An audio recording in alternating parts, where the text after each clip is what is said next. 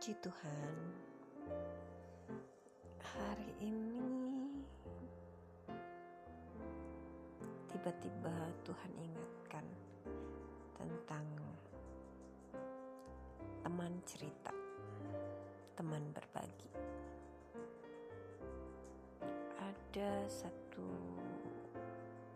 hal dalam hidupku yang mungkin sulit untuk diceritakan kepada banyak orang. Tapi Tuhan izinkan untuk dibukakan cerita itu kepada beberapa pribadi yang memang membutuhkan dan yang memang bisa memberikan nasihat padaku dan menjadi kekuatan juga buat orang lain dan itu menjadi satu perenungan yang Tuhan berikan pada sore hari tadi. Bagaimana kalau kita memiliki seorang teman, teman untuk berbagi? Hmm, pada saat uh, hal tersebut dibagikan, diceritakan ke boleh dikatakan cuma empat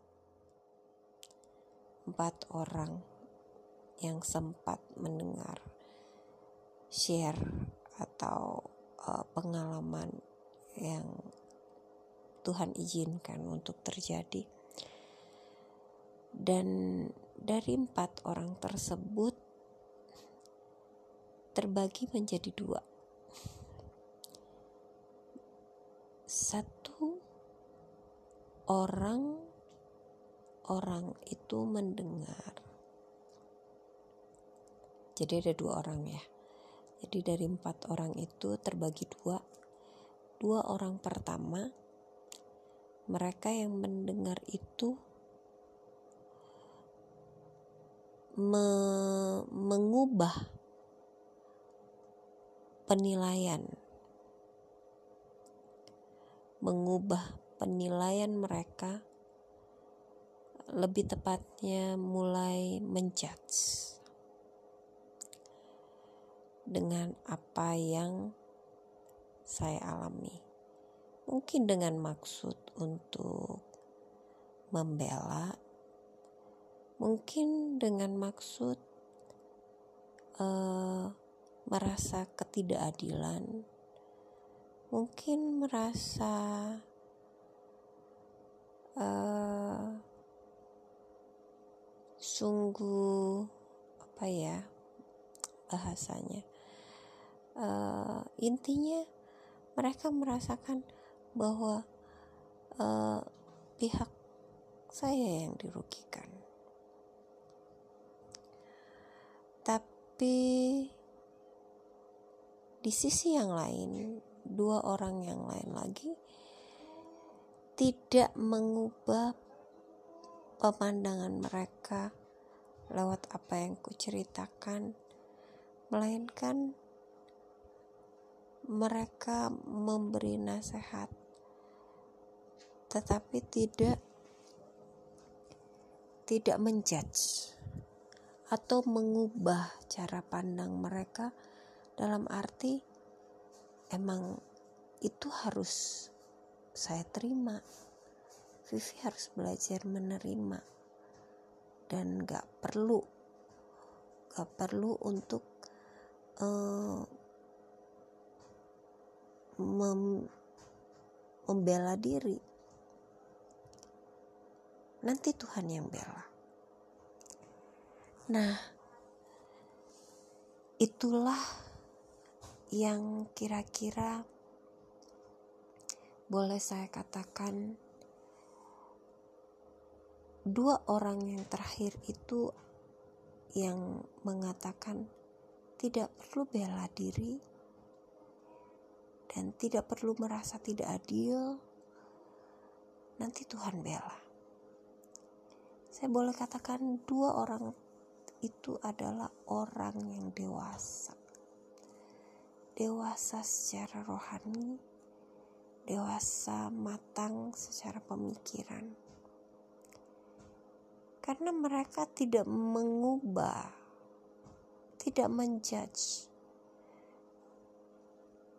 karena sungguh tidak, tidak kita juga tidak tahu kenapa itu bisa terjadi dalam hidup Vivi. Uh, bisa dikatakan emang Tuhan izinkan, emang Tuhan kehendaki, jadi harus belajar terima, harus belajar memberikan uh, satu nasihat yang benar-benar sehingga uh, Vivi bisa menerima. Dan bahkan setelah diceritakan kepada dua orang yang terakhir itu damai sejahtera Tuhan turun bahkan uh, menjadi solusi yang begitu baik. Karena semuanya dibawa kepada Tuhan. Dan firman Tuhan yang diberikan nasihat-nasihat yang diberikan begitu luar biasa